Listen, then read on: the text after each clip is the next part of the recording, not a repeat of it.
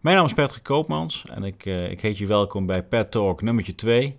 De Pet Talk is afgeleid van de TED Talk. Ja, ik vond de naam wel erg leuk en ik, uh, ik dacht we geven het gewoon die naam. Even terug naar het onderwerp. Hoe zou de wereld eruit zien als we minder oordelen over andere mensen? Ja, en uh, de laatste ja, weken ben ik best wel actief geweest op, op LinkedIn. Ben ik al jaren heel erg actief op LinkedIn. En ben je nog geen connectie? Ga dan naar, eh, naar LinkedIn, Patrick Koopmans of Sixa Leadership. En, uh, en ga me volgen. Um, en wat je ziet op dit platform is dat er eigenlijk. En eigenlijk is dat iets wat je niet alleen op dit platform ziet, maar um, eigenlijk in alle media. Of het nou social media is of de landelijke media, radio, televisie, er is eigenlijk nergens meer ruimte om verschillende geluiden met elkaar te laten praten op een normale manier. En, um, ik ben een tijdje terug, heb ik de hashtag eenheid door verschil uh, ben ik gaan gebruiken. Uh, en dat kwam met name uit een inzicht uh, dat ik had hier bij Koffietentje in Haarlem. Was ik met wat, wat, gasten aan het, aan het kletsen over de dingen die op dit moment spelen in de, in de maatschappij, in de wereld in je eigen, eigen huis wellicht. En uiteindelijk kwamen we tot de conclusie dat je bijna altijd uh, iets vindt van iemand anders zijn standpunt. En dat misschien wel de enige manier is om een eenheid te worden in tijden zoals deze, is oordeelloos luisteren uh, naar iemand die een verschillend standpunt heeft. En ik leg de nadruk op verschillend, want uh, uh, je ziet ook heel vaak anti of anders of andersdenkende. En dat is al een uitgangspunt waarin jij vindt dat datgene wat jij zegt, zeg maar, juist is. En iets wat dan daarvan afwijkt, is een anti-geluid of is een ander geluid. En uh, andersdenkend, antivaxer, uh, noem het allemaal maar op. En ik denk dat het verschillend is. Het is verschil. Ja, dit is eenheid door verschil, eenheid door verscheidenheid. En als je met elkaar, um, of dat nou als leidinggevende binnen een bedrijf is, als teamlead, als ondernemer, als politicus, uh, als mens, dat jij vanuit je eigen perspectief je eigen realiteit hebt. En weet dat niemand dezelfde realiteit heeft als jij. Want jouw realiteit is gevormd door alles wat jij in je leven hebt meegemaakt. Wat je misschien nog uit eeuwen daarvoor hebt meegekregen op, uh, op, op andere manieren. Mensen waar je mee om bent gegaan. Dus jouw realiteit is altijd anders dan de persoon die naast je zit. En wat je dus ziet is dat mensen die met een redelijk dezelfde realiteit uh, samen dan over de waarheid gaan spreken. Uh, maar goed, laten we eerlijk zijn. Er zijn ook heel veel mensen die een totaal andere realiteit hebben. Die ook weer mensen vinden die uh, uh, een realiteitsblik ehm, hebben. Die ook relatief weinig afwijkt. Dus dan vind je samen je gelijk. En dat gelijk leg je dan het liefst heen over al die andere mensen die een andere realiteit hebben. En dan gaan we, gaan we spreken over de waarheid. Maar niemand kent de waarheid. Want de waarheid is, uh, is onbekend. De waarheid is niet. Je hebt wel je eigen realiteit. En uh, we denken dan vaak de mensen die uh, in de meerderheid zijn met een bepaalde realiteitswaarheid, ja, dus realiteitswaarheid, dat nemen we dan maar aan als de waarheid. En alles wat daarvan te veel afwijkt, zien we dus als anders of als andersdenkend of als anti. En dit zie je ook heel veel in de media op dit moment. Dit zie je ook heel veel op de, op de sociale platformen. Zet eens een post waarin jij je eigen realiteit deelt. Zonder na te denken wat een ander daarvan zou vinden. Dus zonder filters. Hou je niet in. Nou, kan je één ding vertellen. Je gaat waarschijnlijk heel veel reacties krijgen. Uh, maar je ziet met name ook in alle reacties dat het voor 90% gaat over. Ja, maar ik vind dit. Dus ze zijn aan het reageren op elkaar zonder überhaupt maar open te staan voor de realiteit van de ander.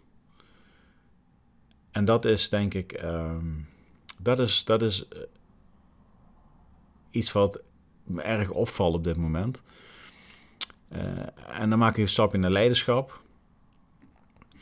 Leiderschap is denk ik ook, of het nou zelfleiderschap is voor jij als persoon, hoe je je door deze tijd heen uh, manoeuvreert, of door je leven heen manoeuvreert, of hoe je het ook wil noemen. Uh, of je stuurt uh, teams aan, of wat je ook doet. Um, oordeelloos luisteren is wel de kracht op dit moment om de kansen te zien. Ja? Door belemmeringen, die er, de beperkingen die er op dit moment zijn, ja, dus, maar er zijn altijd beperkingen, maar door de beperkingen die er op dit moment zijn, uh, ontstaan er kansen. Uh, maar als je je richt op de beperkingen, dan zie je de kansen niet.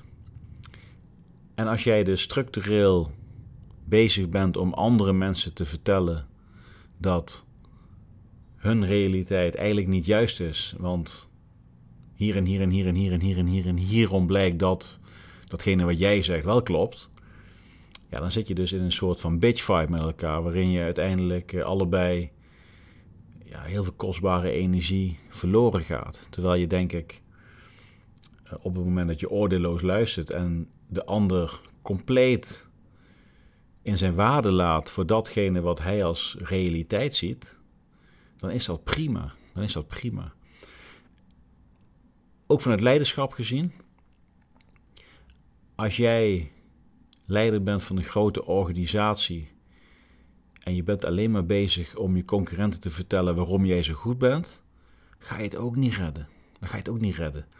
En dat betekent dus dat jij je niet moet richten op de ander, maar je moet je richten op jezelf. Dus op het moment dat jij je stoort aan het geluid van anderen op bepaalde platformen, in de media, in de krant, op televisie, weet ik veel wat, nou, dan heb je twee opties. Je zet het uit of je leest het niet meer. Uh, je unsubscribe je, je gooit je telefoon weg, je haalt je appjes van je telefoon af, je, het abonnee van de krant als je die nog krijgt, die, uh, die, die, die stop je.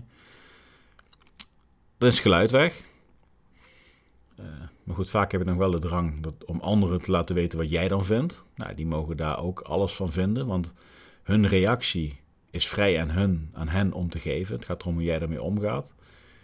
Je kunt je natuurlijk ook afvragen van waarom irriteert het mij als andere mensen een ander geluid en waarom vind ik dat ik dan zo nodig daar op die manier op moet gaan reageren.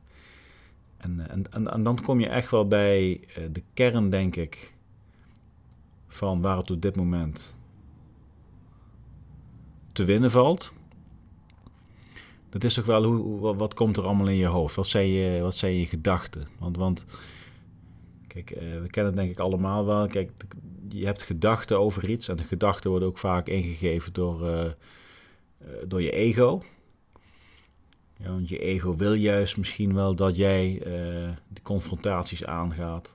Ja, want waar angst en onzekerheid is, geeft een confrontatie houvast, omdat er ook tegelijkertijd de mensen jou gaan steunen.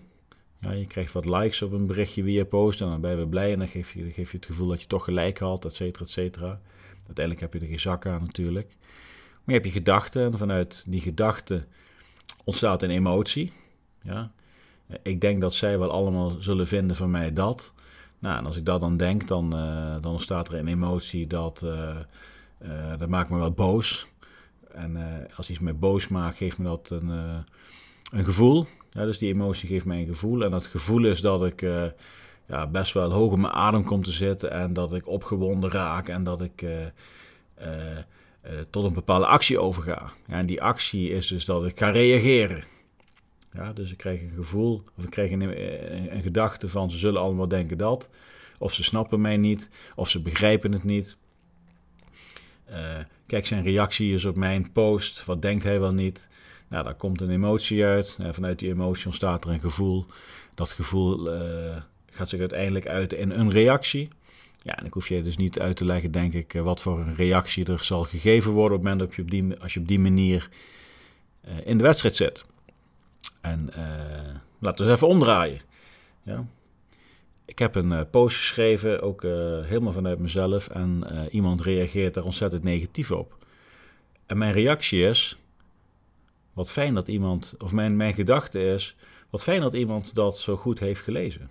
Ik heb het stuk prima in elkaar gezet. Nou, mijn emotie is dat ik trots ben uh, op, uh, op het feit dat mijn uh, artikel goed gelezen wordt. Want het gaat mij er helemaal niet om dat mensen het ermee eens zijn. Mijn intentie was dat veel mensen mijn artikel zouden gaan lezen. zodat ze een ander inzicht krijgen. En dan mogen ze mee doen wat ze willen. Maar ik vind het wel fijn dat, dat ik het gedeeld heb. En dat de mensen die er iets mee willen doen, dat ze er iets mee kunnen doen. Dus ik ben trots. Nou, je kunt je wel voorstellen dat de emotie of het gevoel wat uit dat trotse, die trotse emotie komt, is dat ik, uh, nou, ik word er wel, blij van. Ja, ik word er blij van en ik vind het goed. Ik vind het leuk en ik word er zelfs vrolijk van dat iemand mijn, mijn post zo grondig gelezen heeft en daar ook gewoon een reactie op geeft. Wat gaaf, interactie, wat leuk. En, en mijn reactie, of mijn actie in dit geval, is dat ik iemand bedank voor zijn reactie op mijn, mijn stuk.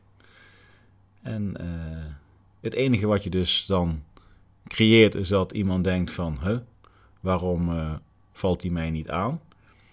Uh, maar het zou ook zomaar kunnen zijn dat zo iemand gewoon oprecht dat heeft gedeeld met jou waar zij mee zit. En dat is ook prima.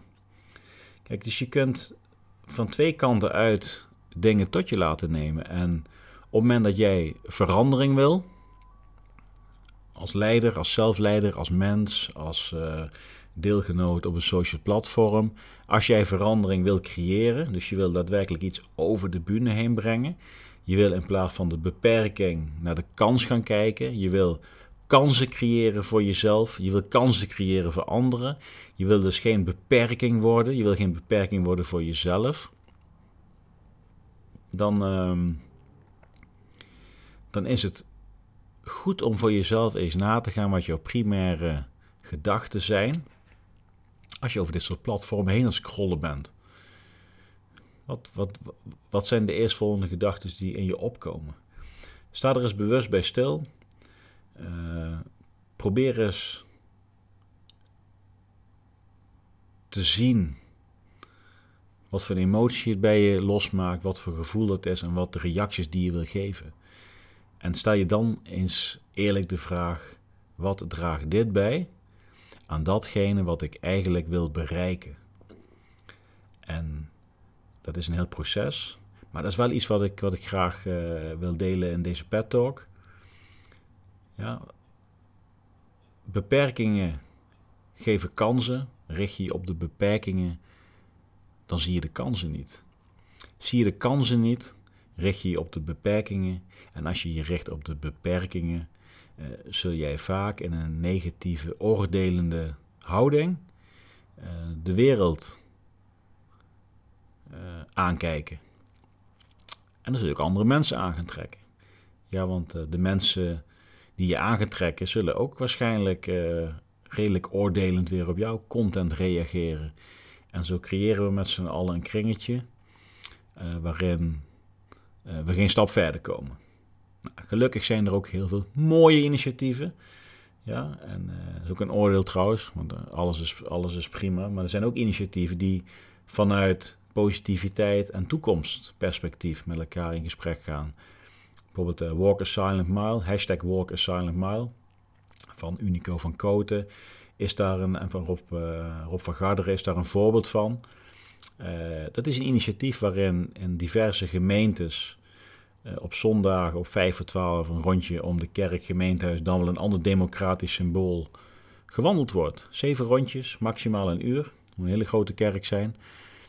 En tijdens deze Walk Silent Mile uh, gaan mensen in gesprek met elkaar. Dus het is geen demonstratie tegen het systeem of tegen de huidige maatregelen of tegen hoe het gaat. Nee, we, we mensen signaleren dingen. En eh, mensen willen dat graag delen. Uh, daarin kun jij oordeelloos je verhaal doen. Uh, en het moet toekomstgericht zijn. Dus wat wil ik bijdragen? Wat, wat wil ik bijdragen? wat zijn mijn ideeën? ik zie dit gebeuren in Nederland. Nou prima, kan ik niet veranderen. Ik zou het wel graag zo zien en dit ga ik doen. Dat is natuurlijk hartstikke mooi, maar dat is natuurlijk universeel. Dat heeft niks te maken met de huidige tijd. Dat is eigenlijk gewoon als persoon zijnde positief in het leven staan en willen bijdragen aan alles wat er in onze omgeving gebeurt. En als je dat kunt, dan denk ik dat we de beweging die met z'n allen in gang is gezet, welke kant je ook kiest, je hoeft ook niet te kiezen, er zijn geen kanten. Ja, er is, uh, er is slechts je eigen geloof dat hetgene wat jij doet, dat dat, dat, dat goed is. Ja, en, en iedereen is verschillend, dus iedereen zal er zijn eigen inzichten in hebben. Uh, wat ik wel mee wil geven in deze, en ik geef niet snel ongevraagd een tip of wat dan ook.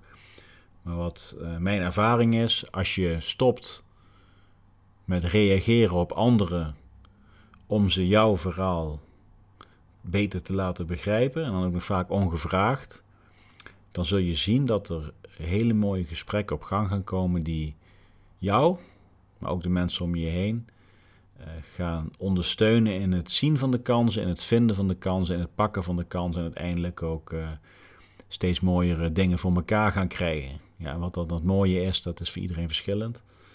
Dat is echt verschillend. Ja, de een, voor de ene is het zakelijk, voor de andere is het uh, misschien een familiaire kring, privé, hobby, weet ik wat allemaal, goede dingen voor de wereld doen. maar die dingen gaan ontstaan. Ja, en we zitten in een soort van vacuüm waarin we met z'n allen best wel reactief aan het communiceren zijn. En we moeten eigenlijk gaan communiceren vanuit belangeloos, gelijkwaardig en dan, moet ik het nog een keer, uh, een eenheid door verschil. Ja, dus accepteer dat iedereen verschillend is.